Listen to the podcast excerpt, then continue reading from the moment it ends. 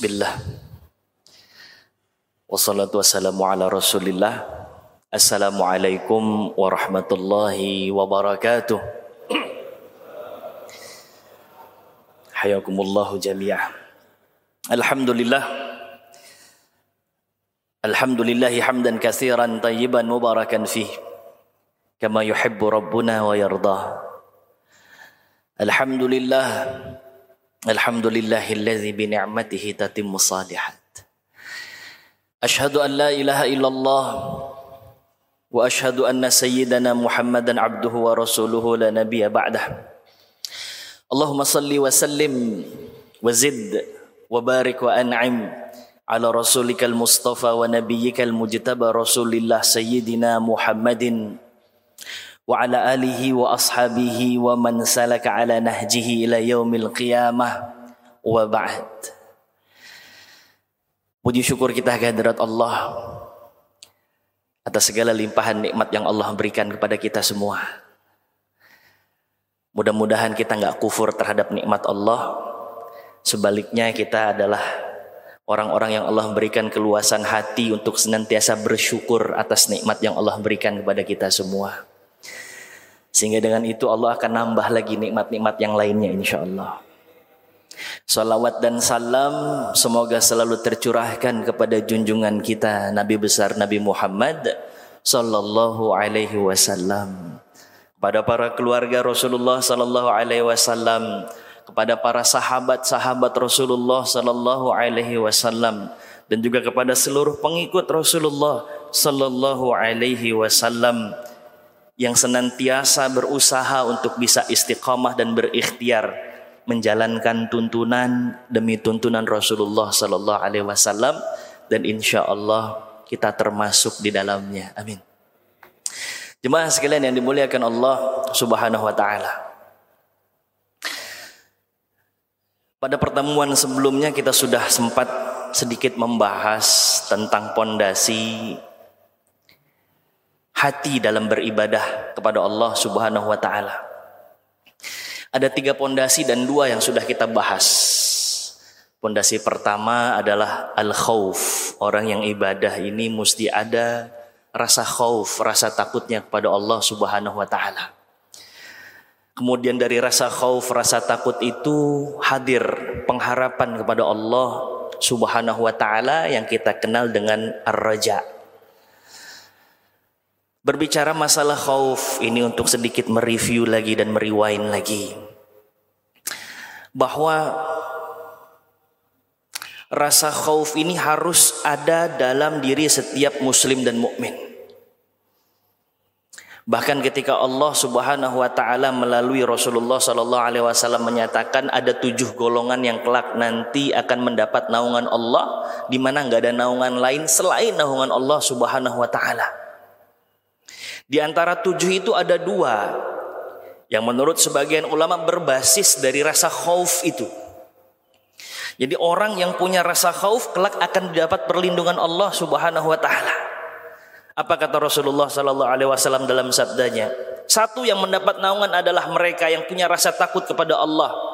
Rajulun da'athu imra'atun zata mansibin wa jamalin faqala inni akhafullah adalah orang-orang yang ketika dia dipanggil oleh syahwatnya dalam bentuk seorang wanita punya kedudukan luar biasa, kecantikannya dahsyat sekali, tapi dia mampu menahan dirinya karena takut kepada Allah terus berkata, "Inni akhafullah, aku takut kepada Allah Subhanahu wa taala." Bukan gara-gara contohnya adalah pria terus wanita nggak masuk di dalamnya, sama wanita juga masuk di dalamnya. Ini dicontohkan oleh Maryam. Ya. Maryam ibunda Isa alaihi salam. Ketika didatangi oleh Jibril alaihi salam di dalam mihrabnya, Jibril datang dalam keadaan yang sangat sempurna, tapi lantas kemudian Maryam ini dengan takutnya berkata, "Ittaqillah, jauhkan diriku, bertakwalah engkau kepada Allah Subhanahu wa taala." Jadi dari rasa takut inilah yang kata Allah kelak mendapatkan naungan Allah di mana nggak ada naungan lagi selain naungan Allah Subhanahu wa taala. Yang selanjutnya mendapatkan naungan Allah Subhanahu wa taala adalah rajulun dzakarallaha fafadat ainah. Seseorang yang dia ingat Allah Subhanahu wa taala lantas air mata membasahi pipinya. Karena ada rasa takzim dan rasa takut kepada Allah Subhanahu wa taala. Umar bin Khattab radhiyallahu taala anhu wa ardah seorang sahabat Rasulullah sallallahu alaihi wasallam Khalifat Rashidah Amirul Mukminin Beliau adalah orang yang terkenal tinggi sekali rasa takutnya kepada Allah Subhanahu wa taala. Tahukah kita bahwa Sayyidina Umar bin Al-Khattab itu punya asarul buka. Punya garis di bawah matanya dia. Karena saking seringnya dialiri air matanya beliau. Masya Allah, tabarakallah. Umar ibn al-Khattab radhiyallahu taala anhu arda. Bahkan diketahui dari beberapa kisah sirah sebelum wafatnya Amirul Mukminin Umar bin Al-Khattab radhiyallahu taala anhu wa arda. Beliau memanggil anaknya Abdullah ibn Umar. Wahai Abdullah, khuzli Huzaifah ibn Yaman. Tolong panggilkan kepadaku Huzaifah ibn Yaman. Huzaifah ibn Yaman ini juga sahabat Rasulullah dan beliau mempunyai satu keutamaan Sayyidina Huzaifah ini a'tahur rasulu jadwalan bi asma'il munafiqin Sayyidina Huzaifah adalah orang yang dulu pernah dikasih Rasulullah daftar nama-nama orang munafik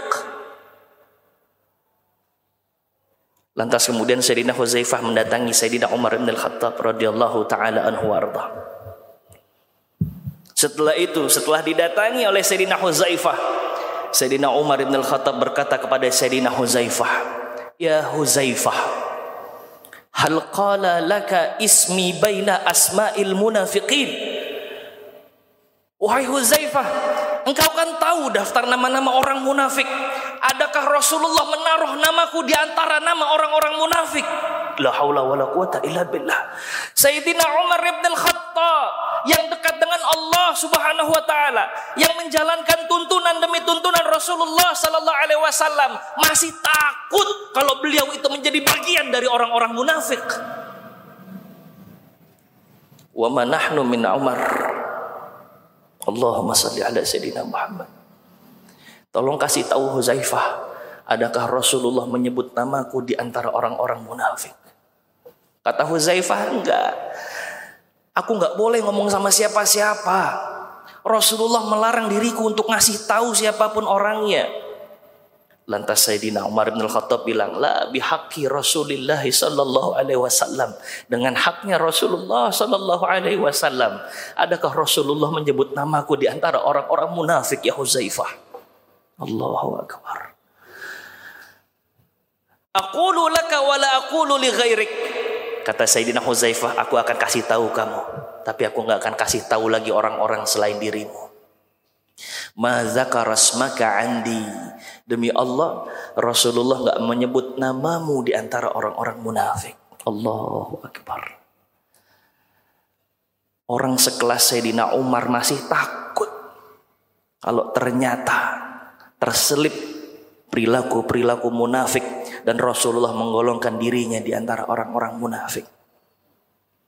Lantas kemudian setelah itu Sayyidina Umar tersenyum terus memberikan isyarat kepada Sayyidina Abdullah ibnu Umar. Ya Abdullah, labaika ya Abah, wahai anakku Abdullah. Baqiya li fid dunya amrun wahid. Tersisa lagi satu urusanku di dunia ini. Ini Masya Allah.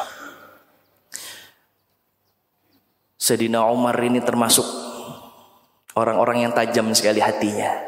Jadi orang-orang yang beriman itu tajam hatinya jemaah. Bahkan dia merasa biasanya kapan dia akan dijemput oleh Allah Subhanahu wa taala kembali ke haribaan Allah Jalla Jalalu dan kisah ini banyak sekali di antara kisah orang-orang saleh. Kemudian tersisa satu lagi wahai Abdullah keinginanku di dunia. Apa itu wahai ayah kata Abdullah? uridu an udfana tahta aqdami Rasulillah sallallahu alaihi wasallam. Aku ingin dimakamkan di dekat kaki Rasulullah sallallahu alaihi wasallam. Allahumma salli ala Sayyidina Muhammad. Fakhuz Fa'ati ila baiti Aisyah. Maka segeralah engkau berangkat ke rumah Aisyah Ummul Mukminin radhiyallahu anha. Katakan kepada dirinya, "Qul ibnuha Umar, anaknya Umar." Bilang, anaknya Umar, la taqulu Amirul Mukminin. Jangan bilang Amirul Mukminin, katakan anaknya Umar meminta izin kepada ibunda Aisyah supaya bisa dimakamkan dekat dengan Rasulullah Sallallahu Alaihi Wasallam. Masya Allah. Kata Aisyah radhiyallahu anha, iya, sebenarnya tempat ini sudah aku sediakan untuk diriku. Wa atrukuhu yauma li Umar, tapi aku tinggalkan hari dan aku hibahkan untuk Umar bin Al-Khattab radhiyallahu taala anhu wa arda. Setelah itu Abdullah ibnu Umar datang lagi sama ayahnya. Ngasih tahu sama ayahnya Umar bin Khattab, wahai ayahanda, ibunda Aisyah mengizinkan engkau seandainya engkau wafat boleh dimakamkan di dekat Rasulullah Sallallahu Alaihi Wasallam. Fabaka Umar bukaan awilan. Nangis Umar bin Khattab radhiyallahu taala anhu arta. Terus dia bilang kepada putranya Abdullah bin Umar, "Da'ni ana tinggalkan aku agar aku menempatkan jidatku dan dahiku di dalam di atas tanahnya Allah Subhanahu wa taala. Aku takut lagi-lagi Umar, aku takut kalau ternyata yang aku minta ini adalah kesalahanku dan aku menzalimi orang-orang selain diriku. Allahu Akbar. Hayatnya itu Masya Allah mali'a bil khawf wal khasyah. Dipenuhi rasa takut kepada Allah subhanahu wa ta'ala. Sementara di antara kita banyak yang kehilangan rasa takut itu. La haula wala quwata illa billah. Maka hendaknya kita menghadirkan rasa takut kita kepada Allah Subhanahu wa taala. Selain rasa khauf, ada ar-raja. Ar-raja pengharapan kepada Allah Subhanahu wa taala. Maka sesiapa yang berharap kepada Allah berarti dia menyandarkan dirinya kepada Allah Subhanahu wa taala. Sesiapa yang berharap kepada Allah berarti dia menggantungkan dirinya kepada Allah Subhanahu wa taala. Sesiapa yang berharap kepada Allah berarti dia yakin kepada Allah Subhanahu wa taala. Dan seorang muslim dan mukmin harus ada itu dalam hari-harinya dia, dalam aktivitasnya dia, pengharapan kepada Allah Subhanahu wa taala, bahkan sampai akhir hayatnya dia. Kita cerita beberapa waktu yang lalu tentang Imam Syafi'i rahimahullah rahmatan wasi'ah. Sesaat sebelum meninggal muridnya Muzani datang kepada beliau terus beliau bilang kepada muridnya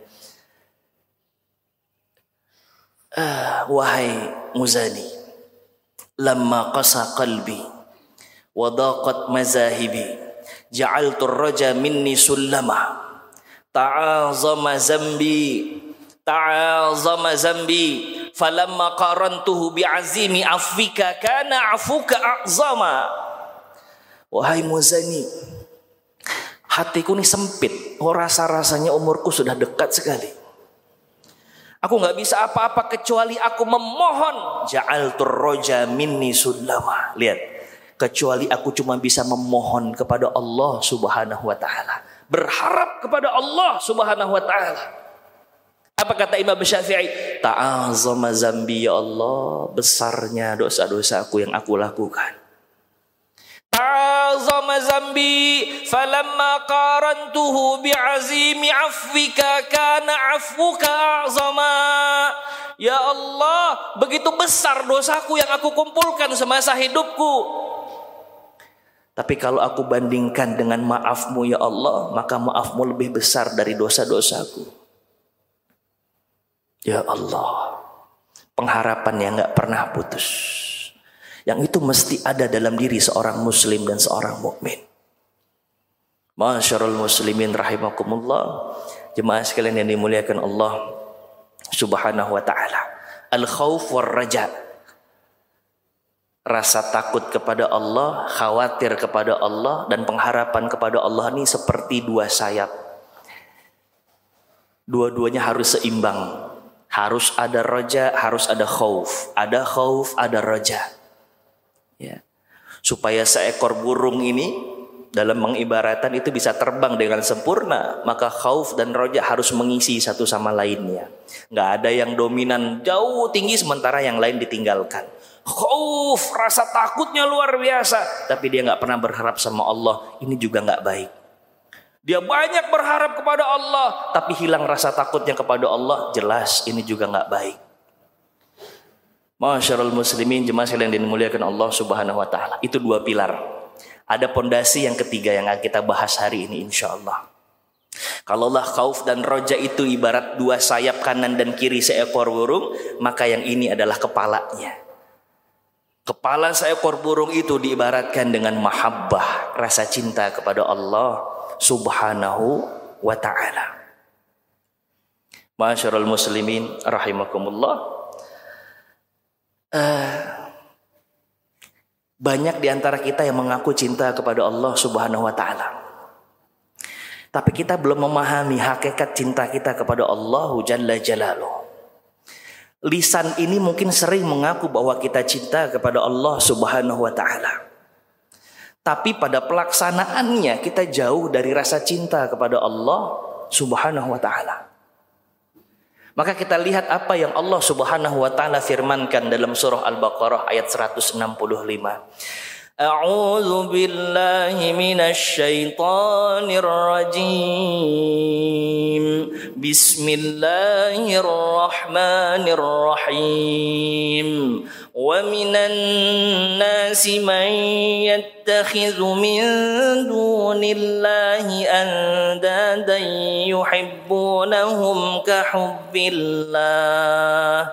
والذين آمنوا أشد حبا لله ولو يرى الذين ظلموا إذ يرون العذاب أن القوة لله جميعا وأن الله شديد العذاب. ومن الناس di antara manusia kita-kita ini. Min dunillahi andada. Ada orang-orang yang menyembah tandingan-tandingan selain Allah Subhanahu wa taala. Ada orang yang mendahulukan tandingan-tandingan selain Allah Subhanahu wa taala. Ada orang yang memproriat memprori mempro er, apa namanya? Eh, prioritaskan ya. Tandingan-tandingan Allah Subhanahu wa taala. Walladzina amanu asyaddu hubban lillah. Tapi lihat. Orang-orang yang beriman kepada Allah, yakin sepenuh hati kepada Allah Subhanahu wa taala, mereka akan mencintai Allah Subhanahu wa taala melebihi cintanya kepada yang lain. Asyaddu hubban lillah, cinta yang sangat dalam kepada Allah Subhanahu wa taala. Ini untuk orang-orang yang beriman. Sekali lagi, wa minan nasi may yattakhidhu min dunillahi andada. Ada loh di antara manusia orang-orang yang menyembah tandingan-tandingan Allah. Dan mereka memposisikan Allah sama dengan tandingan-tandingannya. Bahkan mereka memposisikan selain Allah lebih daripada Allah itu sendiri. Nauzubillah summa nauzubillah yuhibbunahum kahubbillah mereka cintai tandingan-tandingan Allah itu sebagaimana mereka mencintai Allah mereka cintai harta mereka layaknya mereka mencintai Allah. Mereka mencintai keluarga mereka layaknya mereka mencintai Allah Subhanahu wa taala. Mereka mencintai dunia mereka yang luas di hadapan mereka sebagaimana mereka mencintai Allah Subhanahu wa taala.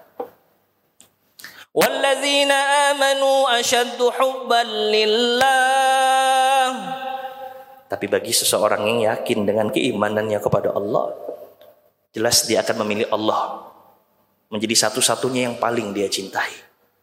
Walau yara alladzina zalamu iz yarawna al'azaba anna al-quwwata lillahi jami'a. Dan jika seandainya orang-orang yang berbuat zalim jadi menyekutukan Allah, membuat Allah tandingan, menomor sekiankan Allah, itu perbuatan zalim. Zalim kepada Allah Subhanahu wa taala. Seandainya orang-orang zalim itu mengetahui bahwa nanti di hari akhirat, di hari kiamat ada siksa di hadapan mereka. Bahwa kekuatan itu cuma milik Allah Subhanahu wa taala wahdu. Dia satu-satunya memiliki kekuatan. Satu-satunya yang maha segalanya. Pada saat itu mereka menyesal setelah terlihat di hadapan mereka bahwa siksaan Allah itu amatlah berat. Wa annallaha syadidul azab. Ini disebutkan dalam surah Ibrahim. Ketika Allah Subhanahu wa taala mengatakan la tahsabannallaha ghafilan amma ya'maludz zalimun. Jangan dikira Allah lalai Allah cuek-cuek aja. Jangan disangka Allah ngediemin saja.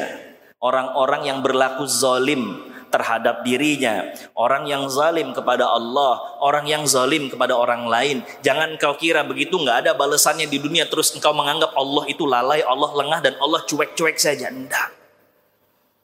La tahsabannallaha ghafilan amma ya'malu zalimun. Innama yuakhiruhum liyaumin tashkhasu fihi al-absar. Muhti'ina muqni'i ru'usihim. La yartaddu ilaihim tarfuhum wa af'idatuhum hawa.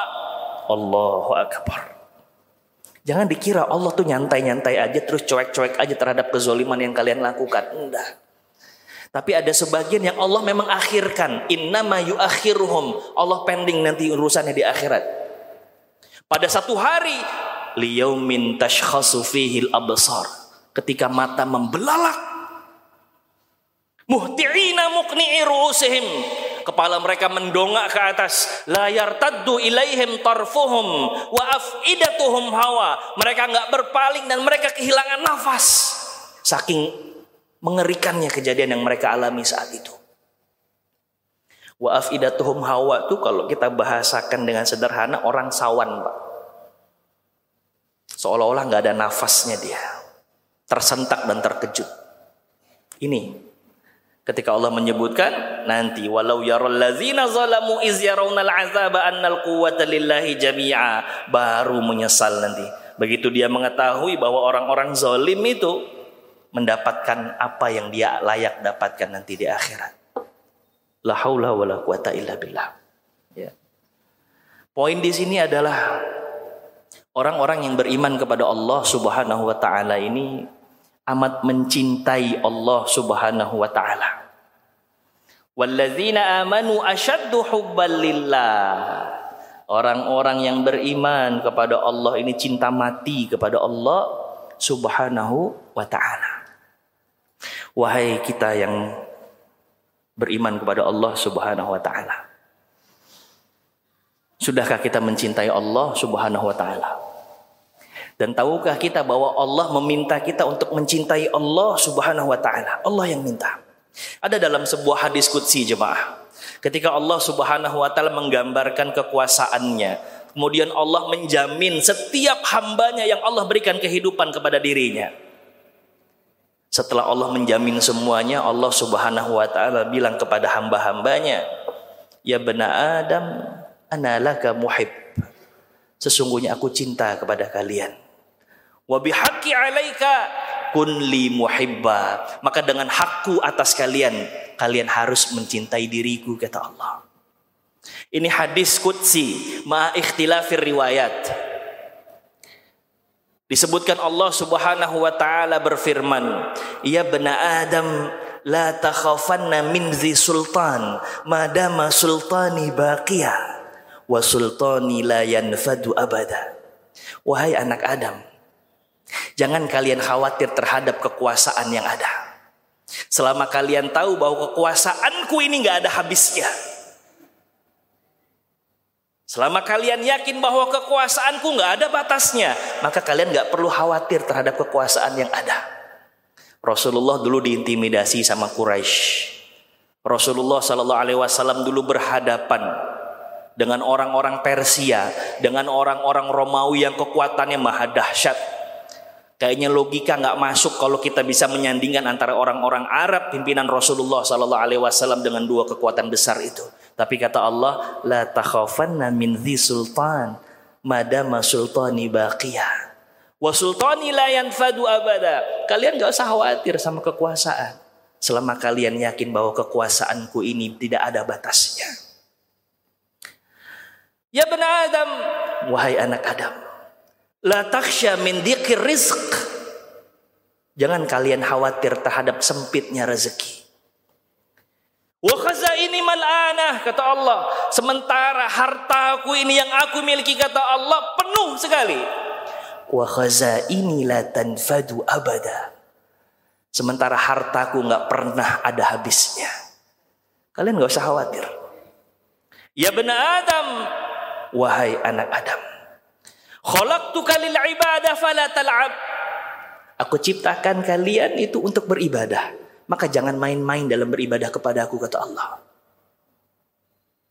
Wa dhamintu laka rizqaka fala tat'ab dan aku sudah menjamin rizkiku yang aku berikan kepadamu. Jangan engkau berlelah diri. Ikhtiar, iya. Selanjutnya tawakal Allah. Aku sudah cukupkan engkau dan aku sudah jamin rizkimu. Fala tat'ab. Gak usah ngoyo kalau bahasa kita itu. Ya benar Adam. Wahai anak Adam. In radita bima qasamtuhu lak arahtu laka qalbaka wa badanak. Kalau engkau ridho terhadap apa yang aku berikan dan aku tentukan kepadamu, kata Allah, aku akan tenangkan hati dan jiwamu. Jadi engkau nggak perlu khawatir sudah. Wa in anta lam tarda bima qasamtuhu lak tapi kalau kamu tidak ridho, belum bisa menerima apa yang aku tetapkan kepada dirimu, fawa'izzati wa jalali, demi kemuliaanku dan keagunganku kata Allah. La usallitanna 'alaika dunya, aku akan jauhkan dunia dari dirimu. Tarqudu fiha ruqdal wuhushi fil bariyah, sementara engkau mengejar-ngejar dunia seperti hewan buas yang berlari-larian di tengah kegelapan malam. Sementara la yakunu laka illa mimma qasamtuhu lak. Kau kejar itu dunia sementara engkau hanya mendapatkan apa yang sudah aku tentukan kepada dirimu. Ya benar Adam, wahai anak Adam kata Allah. La tas'alni rizqa ghad. Kamu nggak usah nanya rizki besok. Aku sudah jamin sudah. Kamalam atlubu minka. Karena aku juga nggak pernah minta amalanmu yang besok hari. Yang aku minta amalanmu sekarang kata Allah. Ya benar Adam, wahai anak Adam, aku sudah jamin semuanya untuk dirimu. Aku sudah jamin semuanya untuk dirimu. Maka ketahuilah, analaka muhib. Aku lakukan itu karena aku cinta kepadamu kata Allah. Wa bihaqi alaika dan demi hakku terhadap dirimu kun li muhibba. Jadilah engkau orang-orang yang mencintai diriku kata Allah Subhanahu wa taala. Allah sudah berikan semuanya untuk kita. Tapi di antara kita banyak la yataharrakul awatif. Yang kesadaran kita ini enggak menerima sinyal itu. Padahal luar biasa bagaimana baiknya Allah Subhanahu wa taala kepada diri kita Nggak elok rasanya kalau kita nggak ikut mencintai Allah subhanahu wa ta'ala dengan semua yang Allah berikan kepada diri kita. Allah subhanahu wa ta'ala mengingatkan.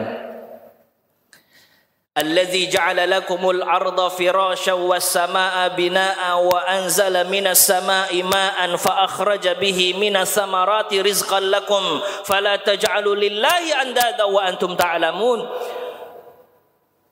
Allah menciptakan bumi itu untuk kamu. Allah menciptakan langit juga untuk kamu.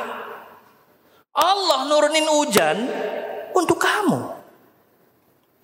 Dari air hujan itu tumbuh tumbuh-tumbuhan, buah-buahan untuk kamu kata Allah. Kemudian Allah sehatkan ternak-ternak agar kalian bisa konsumsi ternak-ternak itu. Itu juga untuk kamu kata Allah. Allah berikan kekayaan kepada dirimu. Allah berikan anak cucu keturunan sebagai pelipur laramu. Ini juga untukmu dan ini karena Allah cinta kepada dirimu. Maka adakah kita tidak membalas cinta Allah kepada diri kita jemaah? La haula wa la quwata illa billah.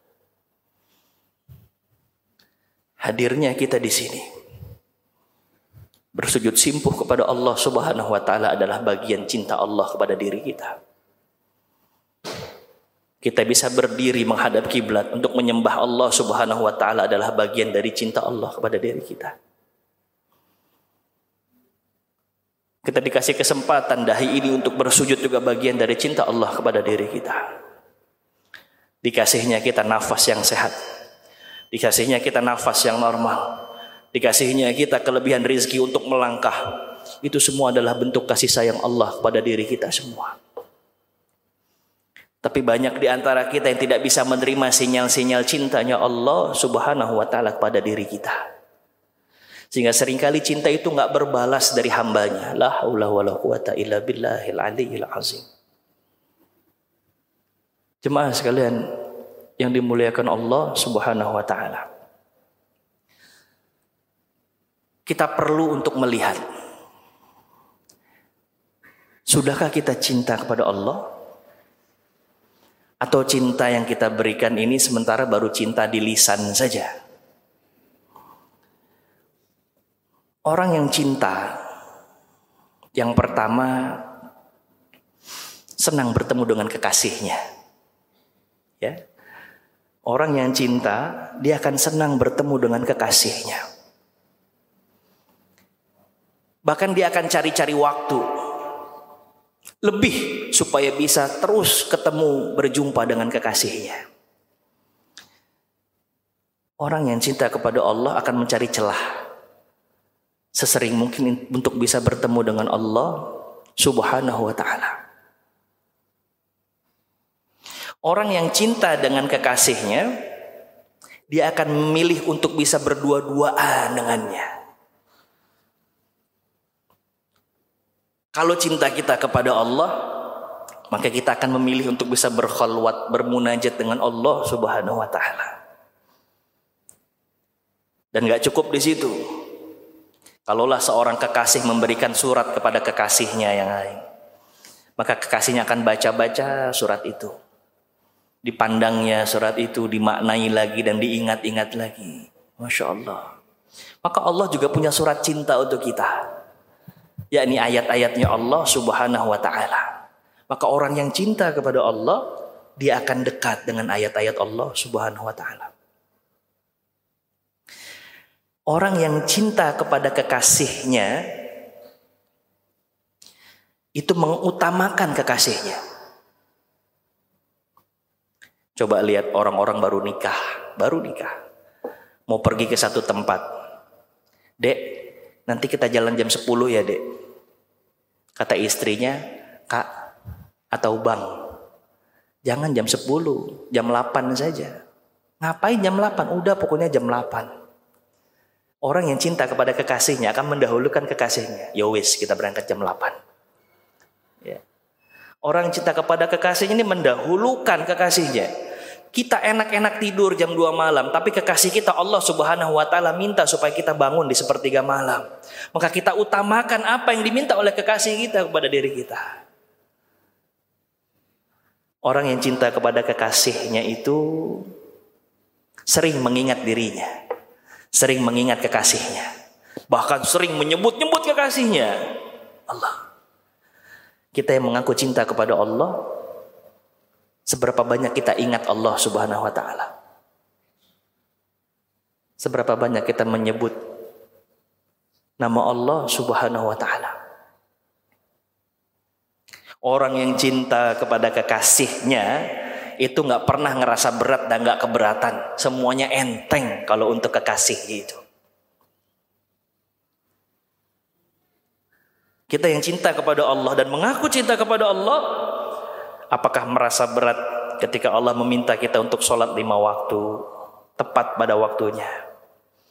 Kita yang mengaku cinta kepada Allah, adakah kita merasa berat ketika kita mengeluarkan harta kita di jalan Allah Subhanahu wa taala? Orang yang cinta kepada kekasihnya, dia akan mengasihi, dia akan sayang kepada orang-orang yang berada di dekat dengan kekasihnya. Maka orang yang cinta kepada Allah Subhanahu wa taala dia akan menyayangi sesamanya. Dia tidak akan menyakiti sesamanya. Kenapa? Karena dia tahu bahwa semua itu adalah ciptaan Allah Subhanahu wa taala. Dan terakhir jemaah, orang yang cinta kepada Allah Subhanahu wa taala ini nggak pernah luput dari rasa khawatir dan juga berharap. Tadi yang kita bahas di awal yang lantas kita kenal dengan al-khauf kalau mengelamar khawatir sekali. Takut-takut nggak diterima lamarannya. Maka dia berharap supaya nanti acaranya lancar dan lamarannya bisa diterima. Sama. Sama jemaah. Kita yang cinta kepada Allah tentu khawatir itu akan hadir. Takut-takut amalannya nggak diterima sama Allah. Takut-takut amalannya kurang. Dari situlah kemudian seseorang berharap bahwa amalannya bisa diterima oleh Allah Subhanahu wa taala. Jemaah sekalian yang dimuliakan Allah Subhanahu wa taala. Rasa cinta itu menurut Al-Imam atau Syekh Mutawali Asy'arawi, salah satu ulama mufassir, ahli tafsir di Mesir. Beliau mengatakan Rasa cinta itu adalah tawajjuhul qalbi ilal mahbub mumbathiqan minal ishq.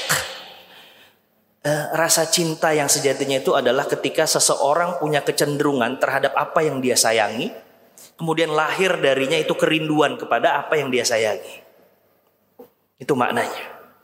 Kemudian Imam Sya'rawi membagi hub cinta itu dua. Ada cinta berdasarkan akal, ada cinta berdasarkan hati. Nah, cinta akal ini nanti akan mengantarkan seseorang ke dalam relung hati terdalam yang kemudian keluar darinya cinta dari hatinya dia. Contohnya gimana? Ada orang kecelakaan. Setelah itu dia harus diurut karena ada beberapa part dari tangannya mungkin yang uh, keselio atau patah. Ya. Begitu diurut, uh sakitnya luar biasa. Tapi setelah dipijit diurut itu sakitnya terus kemudian mereda atau kemudian dia sembuh begitu. Secara fisik dia nggak nerima itu. Oh nggak mau sudah. Tapi kata tukang urutnya harus balik lagi untuk yang kedua kali. Aslinya dia nggak mau karena itu sakit sekali tapi dia tahu akalnya ini yal'ab akalnya bermain bahwa kemarin setelah diurut badan jadi enak maka dia mencintai pengobatan itu. Haza hubbul akal. Kemudian dari hubbul akal itu bisa lari ke hubbul qalb atau hubbul atifah. Ini dicontohkan ketika kemudian Sayyidina Umar bin Khattab itu berbincang dengan Rasulullah sallallahu alaihi wasallam. Terus kata Rasulullah, la yu'minu ahadukum hatta akuna ahabba ilaih min malih wa nafsih tidak beriman salah seorang di antara kalian sebelum aku lebih dicintai daripada dirinya sendiri, daripada hartanya, daripada keluarganya. Lihat, apa kata Sayyidina Umar bin Khattab? Ya am ya Rasulullah, engkau lebih aku cintai ketimbang harta dan keluargaku. Kata Rasulullah, tidak beriman sampai aku menjadi lebih dicintai ketimbang dirinya sendiri. Tapi Sayyidina Umar ini orang yang sidek. Orang yang jujur, dia ngomong apa adanya, ya Rasul, engkau lebih aku cintai daripada harta dan keluarga aku. Rasulullah ngomong yang ketiga, la yu'minu ahadukum hatta ahab akuna ahabba ilaih min nafsi. Tidak beriman sampai kemudian aku lebih dicintai daripada dirinya sendiri. Berpikir nih mulai nih, yang tadinya dengan hubbul akal masuk bahwa Rasulullah Shallallahu Alaihi Wasallam lah yang mengantarkan dirinya dari jurang keburukan menuju tempat kebaikan. Minaz zulumati ilan nur. Maka saat itu setelah beberapa saat ditekankan oleh Rasulullah sallallahu alaihi wasallam hazihil azimah, maka Sayyidina Umar bilang, "Naam, al-an ya Rasulullah, anta ahabba ilayya hatta min nafsi." Engkau lebih aku cintai bahkan dari diriku sendiri. Itu hubbul akal. Maka kita harus aktivasi akal dan hati kita untuk melihat apa yang sudah Allah berikan kepada diri kita untuk bisa masuk rasa cinta kita kepada Allah Subhanahu wa taala, ini perlu diaktifasi jemaah. Karena banyak di antara kita yang nggak aware, yang nggak ngeh, yang nggak sadar bahwa segitu banyak yang Allah berikan kepada kita, tapi baiknya Allah itu nggak berbalas. Gak berbalas dari kita. La haula wa la quwata illa billah. Terus bagaimana kita harus mencintai Allah? Sederhana. Sederhana. Allah Subhanahu wa taala berfirman, A'udzu billahi minasyaitonir rajim. Bismillahirrahmanirrahim. Qul in kuntum tuhibbunallah. Kalau kalian ini cinta kepada Allah, lihat. Fattabi'uni yuhibbukumullah. Ikuti apa yang Rasulullah lakukan. Maka Allah akan mencintai kalian. Jadi kita cuma diminta untuk ngikutin Rasul, ngelakuin amal saleh, menjauhkan diri dari amal keburukan. Kita melakukan amal saleh dan menjauhkan diri atau tarkal mungkarat dari hal-hal yang mungkar. Itu cara kita untuk mencintai Allah Subhanahu wa taala. Allah nggak perlu sesembahan, Allah nggak perlu itu. Ya. Harus ngorbanin apa ngorban Anda. Cukup kita ini mengikuti apa yang Rasulullah Sallallahu Alaihi Wasallam anjurkan kepada diri kita. Maka itu sudah menjadi cara kita untuk mencintai Allah Subhanahu wa Ta'ala. Orang yang kemudian mendapatkan cinta Allah, lihat apa yang seseorang dapatkan kalau Allah itu mencintai diri kita. Allahu Akbar. Uh, Kalau seseorang ini mendapat cinta Allah Subhanahu wa taala, maka dari hadis Abu Hurairah radhiyallahu taala anhu arda disebutkan, Allah kalau udah cinta sama hambanya, iza ahabba abdan da'a Jibril, maka Allah akan memanggil Jibril. Wahai Jibril, kemari kata Allah. Faqala inni uhibbu fulanan fa'ahibbah. Jadi Allah kalau udah cinta sama hambanya, Allah panggil Jibril. Allah berkata kepada Jibril, wahai Jibril, aku cinta hambaku fulan itu. Allahumma salli ala Aku cinta hambaku ya Jibril. Maka cintai dirinya. Allah, Allah, Allah, Allah. Lantas kemudian Jibril alaihi salam Qala fayuhibbuhu Jibril mencintai. Karena Jibril itu bagian dari malaikat. La Allah. Nggak pernah bermaksiat dan nggak pernah ingkar terhadap perintah Allah. Maka otomatis Jibril akan mencintai orang yang Allah cintai. Summa yunadi fis sama fayaqul innallaha yuhibbu fulanan fa'hibbu lantas kemudian Jibril alaihissalam berkata memanggil penduduk langit berkata di hadapan mereka, kalian tahu Allah mencintai hambamu ini. Allah mencintai hamba fulan, maka cintai dia. Allah, Allah, Allah. Maka seketika itu malaikat-malaikat penduduk langit pun cinta kepada dirinya. Kalau kita ini dipanggil, ya, diakui oleh seseorang zata mansibin yang punya kedudukan, orang terhormat, terus bilang, tahu nggak? Saya itu sayang sama orang itu. Ya Allah, betapa bangganya kita. Ya. Apa jadinya kalau yang berkata itu adalah Allah Subhanahu wa taala? Allahu akbar. Orang yang dicintai oleh Allah, maka malaikat-malaikat Allah pun akan mencintai dirinya. Ketika malaikat penduduk langit itu mencintai seorang hamba, maka penghuni langit yang memiliki kebaikan secara otomatis terikat hatinya akan ikut mencintai hamba itu. Maka ini kadang-kadang kita suka nggak paham. Kalau kita di masjid ketemu orang gitu ya, rajin ibadahnya, tiba-tiba timbul rasa cinta kita sama orang itu. Kok rasanya nyaman kalau sama orang itu? Kok rasanya enak kalau kita bisa dekat dengan orang itu? Kenapa? Iya, karena penduduk langit mencintai dirinya dan Allah juga kemudian mengizinkan penduduk langit untuk mencintai hambanya itu. Allah Akbar. Jadi nggak usah heran kalau kita ketemu seseorang di jalan kebaikan terus rasanya kita senang dengan orang itu. Ya Allah. Itu adalah salah satu alamat mudah-mudahan bahwa Allah dan penduduk langit mencintai dirinya. Rasulullah. Masyarul muslimin jemaah sekalian yang dimuliakan Allah Subhanahu wa taala.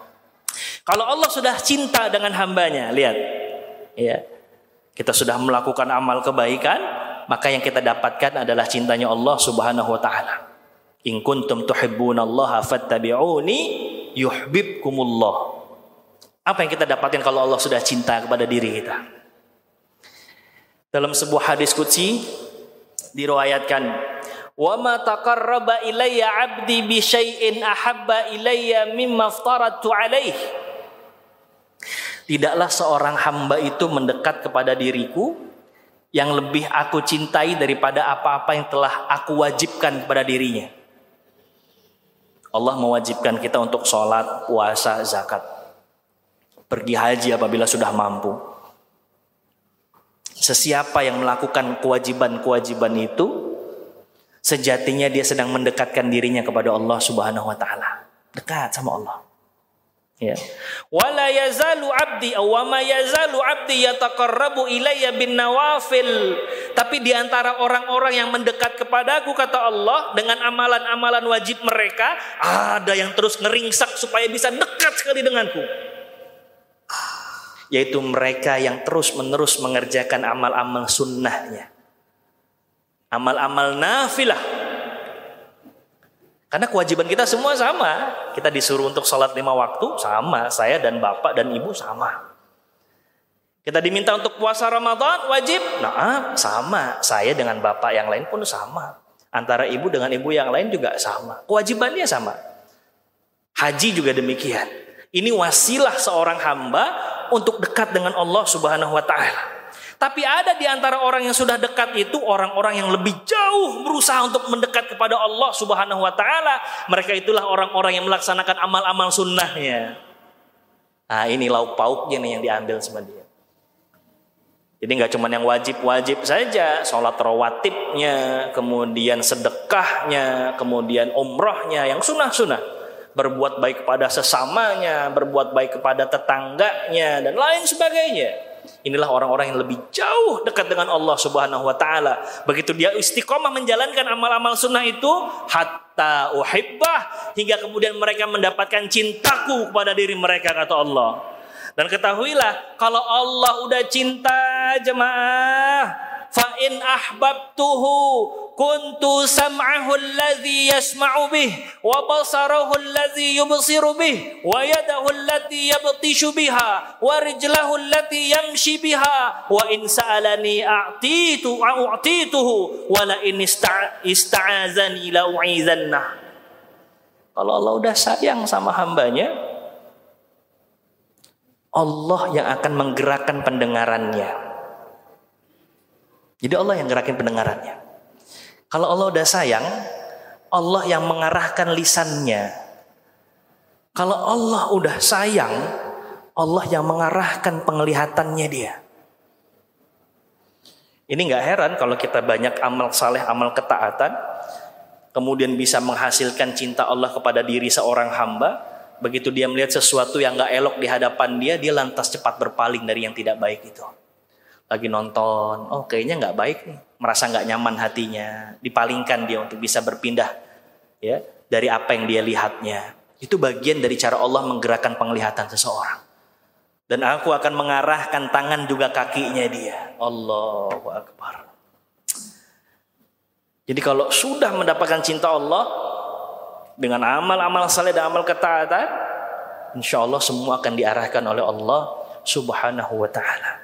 Maka harikil awatif. Mari kita gerakan hati kita.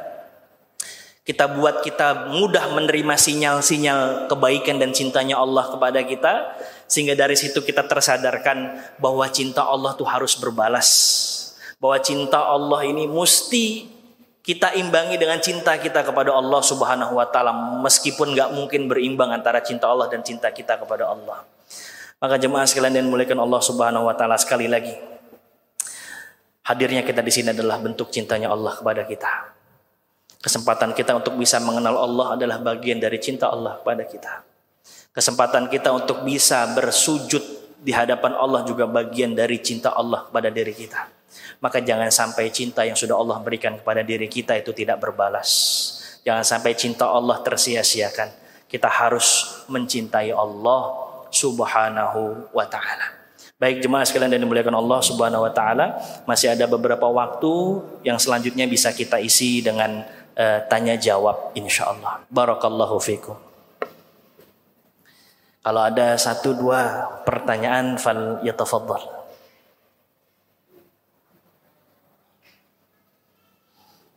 Ah, silakan, Pak.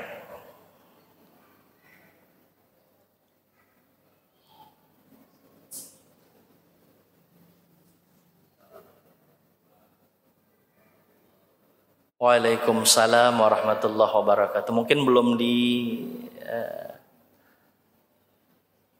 sudah?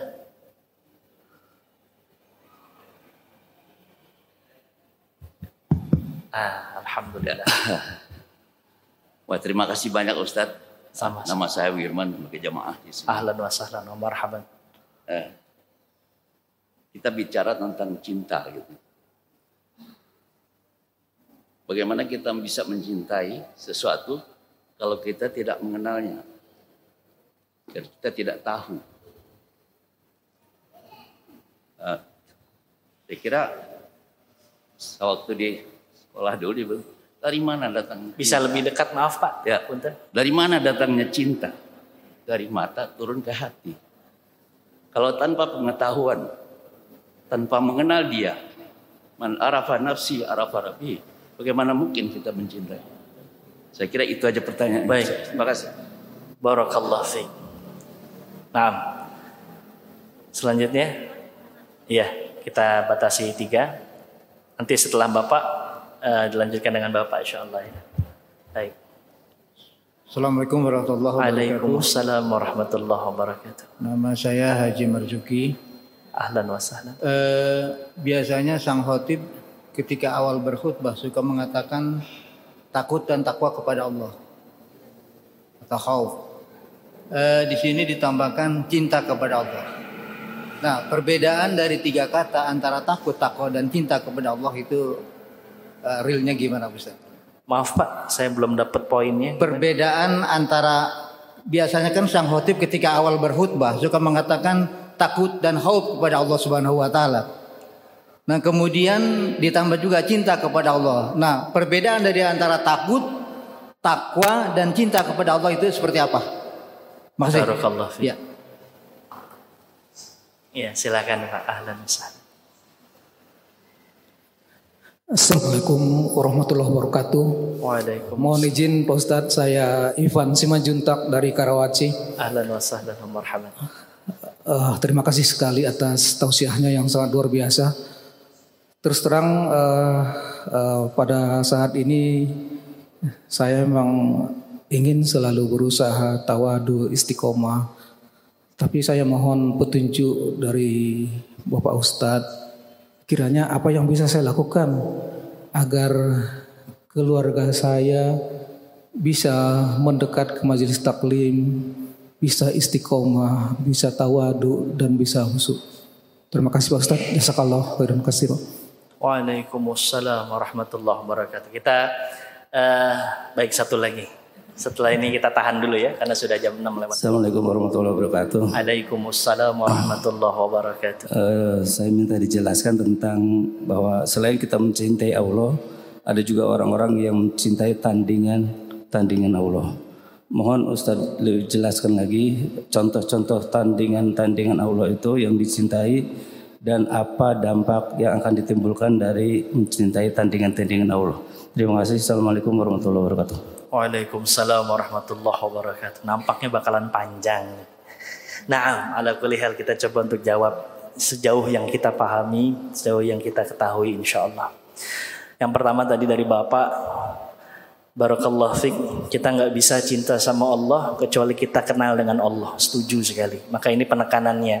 Maka kita diminta untuk terus menuntut ilmu-ilmu Allah Subhanahu wa taala. Jauh lebih kenal dengan Allah Subhanahu wa taala. Nggak hanya cinta, rasa takut kita kepada Allah, pengharapan kita kepada Allah, dan termasuk cinta kita kepada Allah, itu nggak akan bisa maksimal kecuali kita kenal dengan Allah Subhanahu wa Ta'ala. Dari mana kita kenal Allah? Dari majelis-majelis ilmu seperti ini insya Allah. Jadi penekanan betul sekali. Maka kenali Allah. Berusaha untuk kita gali lagi ilmu-ilmu Allah subhanahu wa ta'ala. Untuk jauh lebih kenal dengan Allah subhanahu wa ta'ala. Terus yang kedua. Biasanya khatib ini sebelum uh, memulai khutbahnya, mungkin ini khutbah Jumat gitu. Suka ada uh, apa namanya? Uh, sesuatu yang dibawakan ya, sebuah nasihat. Nasihatnya nasihat takwa sebenarnya. Ya itu e, nasihat takwa bisa diungkapkan secara langsung dan kemudian dilengkapi dengan ayat-ayat ketakwaan kepada Allah Subhanahu wa taala. Ya ayyuhalladzina amanu taqullaha haqqa tuqatih atau ya ayyuhalladzina amanu taqullaha wal tanzur nafsum ma qaddamat lighad atau ya ayyuhan nasu taqu rabbakumul ladzi khalaqakum itu ayat tentang takwa. Namun takwa itu bisa juga diambil asalnya dari ittaqa. Yakni rasa takut. Sehingga dengan rasa takut kita lebih berhati-hati terhadap apa yang kita lakukan di dalam keseharian dan aktivitas kita. Ya, itu mana ittaqa. Rasa takut yang hadir dan kemudian dari rasa takut itu kita berhati-hati. Terus apa bedanya dengan hub? Apa bedanya dengan rasa cinta kepada Allah? Rasa takut kepada Allah tidak sama dengan rasa takut kita kepada makhluk. Rasa takut kita kepada makhluk, kita jalan di satu tempat, di depan sana ternyata ada binatang buas. Kita akan cari jalan lain supaya nggak ketemu dengan binatang itu. Lewat satu jalan, kemudian kita tahu ada orang-orang yang berperawakan mengerikan, atau kemudian dalam benak kita, oh bakalan diperas dan lain sebagainya. Rasa takut itu keluar dan itu tabi'i, fitrah. Tapi rasa takut kepada makhluk menjadikan kita memilih jalan lain untuk bisa menghindari makhluk itu. Namun rasa takut kepada Allah Subhanahu wa taala berbeda. Rasa takut kepada Allah Subhanahu wa taala ini diliputi rasa hub diliputi rasa sayang, rasa cinta kepada Allah Subhanahu wa taala. Sehingga rasa takut itu baik takut dalam level takut terhadap nerakanya Allah, takut terhadap azabnya Allah atau di level di atas itu seperti khawatir kalau amalannya nggak diterima. Itu menjadikan seseorang itu lebih dekat dengan Allah Subhanahu wa taala. Ini bedanya takut dengan makhluk dibandingkan takut yang diliputi rasa cinta kepada Khalik yakni Allah Subhanahu wa taala. Ya. Jadi itu. Yang kemudian tadi selanjutnya uh, hasbunallah wa ni'mal wakil. Mana tadi Bapak? Saya lupa tadi sama pertanyaannya. Siapa tadi? Yang ketiga? Iya, Bapak. Sekali lagi apa, Pak? Boleh dari situ?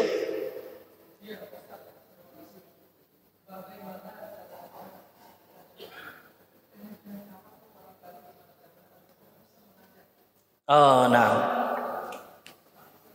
Iya. Gimana caranya kita nggak soleh sendirian? Ini penting sekali. Tugas kita adalah membuat soleh atau menggiring diri kita menjadi soleh betul.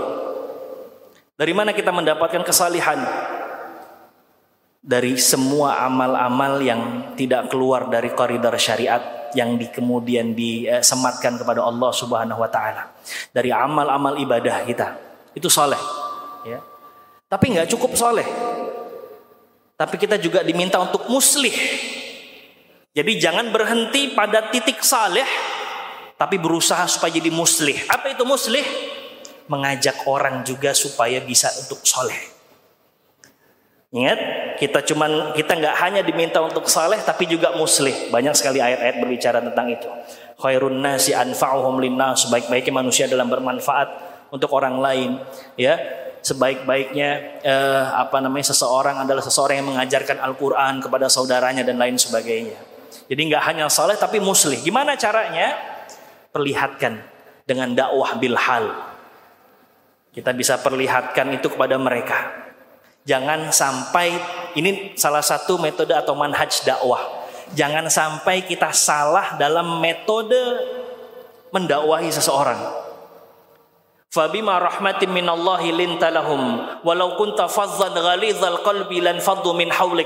Bapak, ini kadang-kadang kalau kita dakwahi orang, caranya salah, caranya salah. Entah mungkin dia malu di hadapan orang lain. Ini bisa efeknya dia akan bertahan dengan kesalahannya walaupun dia tahu bahwa dia itu salah. Ini. Hati-hati.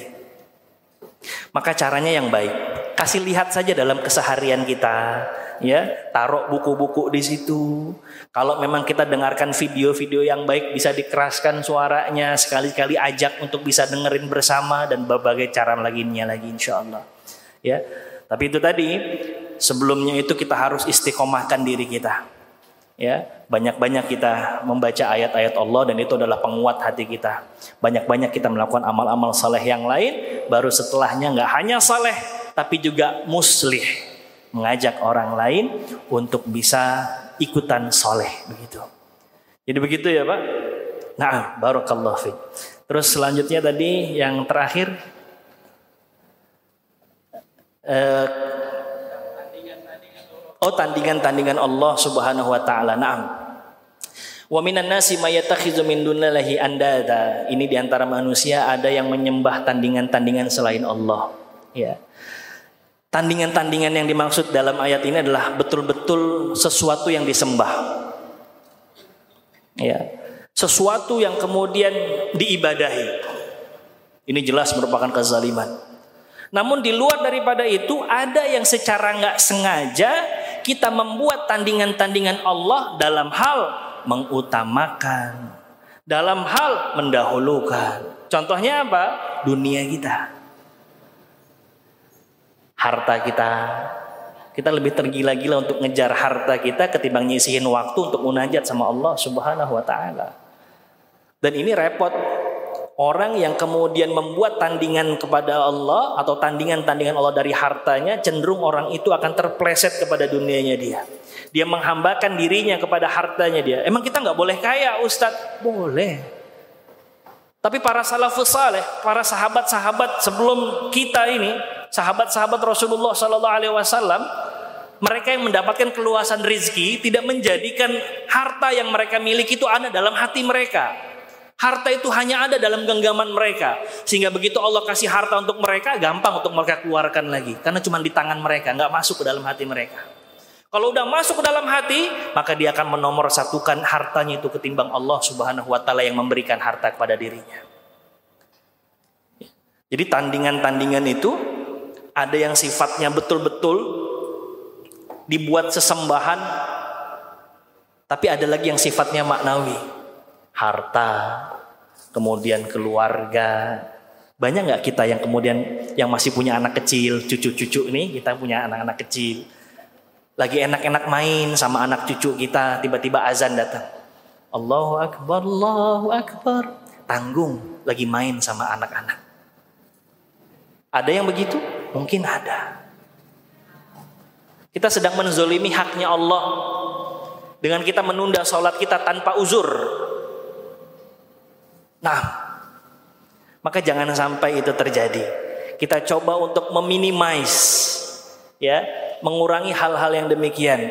Kita berusaha untuk selalu mendahulukan Allah di setiap kesempatan dan aktivitas kita. Jadi tandingan itu ada makna tandingan yang sifatnya sesembahan, tapi ada yang sifatnya maknawi Pak tadi. Yang itu mesti kita hindari. Sedikit demi sedikit kita belajar untuk bisa ke arah yang lebih baik insya Allah. Barakallahu fiqh. Jadi begitu jemaah sekalian, sudah jam setengah tujuh.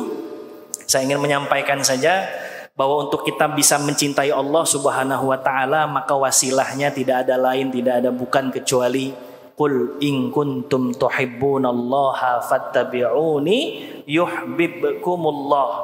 Surah Ali Imran ayat 31.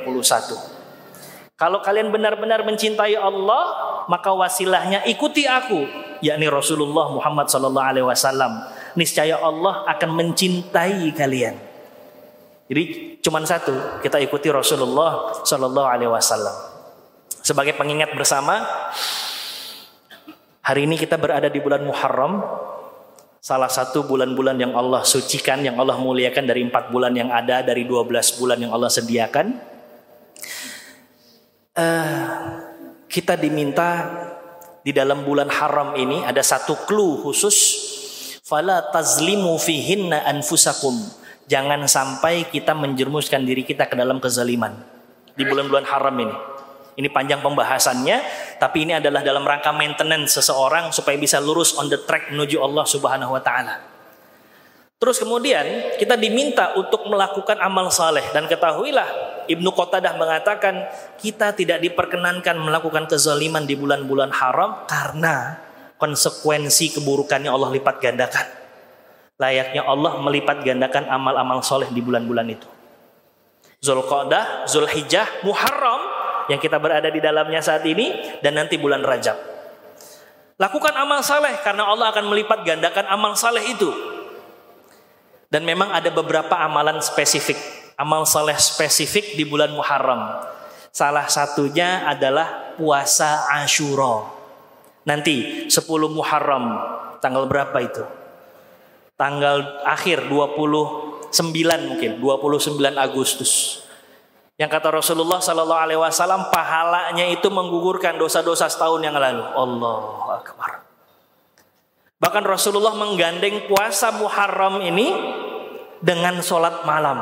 Kita akan tahu Rasulullah nggak pernah ninggalin sholat malam sampai akhir hayatnya. Saking pentingnya amal sholat malam ini. Dan itu Allah dan itu Rasulullah sandingkan dengan puasa di bulan Muharram. Maka nanti sesiapa yang memiliki kesempatan berpuasalah di 10 Muharram atau puasa Ashura. Satu catatan penting, Rasulullah Shallallahu alaihi wasallam bilang, kalau kita ketemu dengan bulan Muharram tahun depan sebagai upaya kita menyelisihi orang-orang Yahudi yang juga berpuasa di tanggal 10 Muharram, puasa sehari sebelumnya atau puasa sehari setelahnya. Tanggal 9 atau tanggal 11. Dalam riwayat yang satu lagi tanggal 9-nya saja. Dari sinilah sebagian ulama mengambil kesimpulan kalau bisa 9, 10, 11. Kalau nggak bisa 9 sama 10. Kalau nggak mampu ya mbok jangan sampai kita tinggalkan tanggal 10-nya itu. 10 Muharram.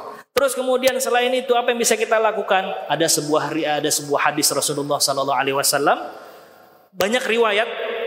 Ada riwayat Baihaqi, ada riwayat Tirmizi dan lain sebagainya. Man ala nafsihi wa ayyalihi wa sa'allahu alaihi sa'ira sanatih. Yaum Asyura yakni. Sesiapa yang meluaskan dirinya dan keluarganya, bikin bahagia ayah dan ibunya, bikin senang adik kakak atau anak-anak dan cucu-cucunya dia, atau dia meluaskan hutang yang dimiliki saudaranya kepada dirinya dia, dan lain sebagainya. Siapa yang meluaskan diri dan keluarganya, lihat Allah akan melampangkan satu tahun penuh untuk dirinya. Allah Akbar. Jadi ini harinya keluarga, manfaatkan itu nanti pada tanggal 10 Ashura untuk kita bahagiakan keluarga kita atau kerabat-kerabat kita insya Allah. Ya, lakukan amal-amal saleh yang lain tentu saja dan ini adalah momentum kita untuk menambah timbangan amal saleh kita di hadapan Allah Jalla Jalaluh dan mudah-mudahan ini menjadi wasilah kita untuk mencintai Allah subhanahu wa ta'ala. Barakallahu fiik, barakallahu lana wa lakum. Terakhir kita berdoa kepada Allah subhanahu wa ta'ala agar apa yang kita lakukan hari ini mendapatkan ridho Allah subhanahu wa ta'ala. Output dari ilmu itu bukan pengetahuan, tapi output dari ilmu adalah tindakan. Jangan sampai ini cuma sebatas wacana pengetahuan saja. Mudah-mudahan ini bisa menjadi tindakan kita dalam keseharian kita insya Allah. Kita berdoa, kita awali dengan istighfar kepada Allah subhanahu wa ta'ala. Astaghfirullahalazim. Astaghfirullahalazim. Astaghfirullahalazim. Allazi la ilaha illa huwal hayyul qayyum wa atubu ilaih.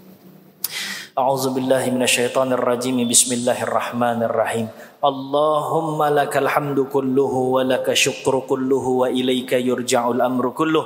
اللهم إياك نعبد وإياك نسجد وإليك نسعى ونحفد اللهم صل على سيدنا محمد في الأولين والآخرين. اللهم صل على سيدنا محمد في كل وقت وحين. اللهم أنت ربنا لا إله إلا أنت. خلقتنا ونحن عبادك ونحن على عهدك ووعدك ما استطعنا. نعوذ بك من شر ما صنعنا. نبوء لك بنعمتك علينا ونبوء بذنوبنا. فاغفر لنا فإنه لا يغفر الذنوب إلا أنت.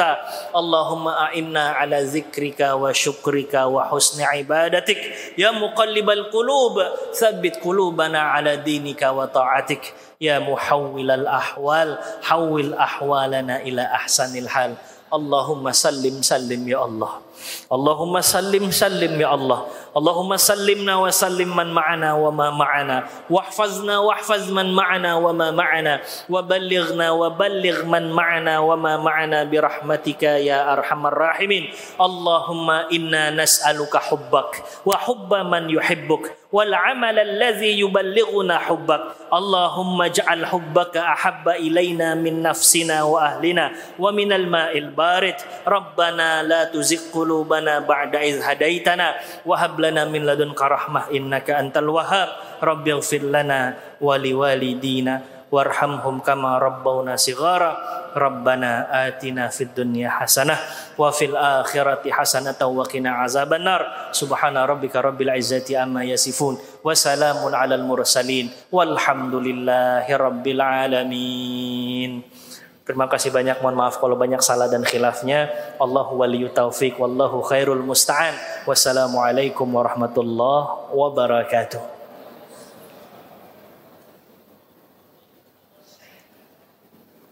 Ini bisa dicatat doa yang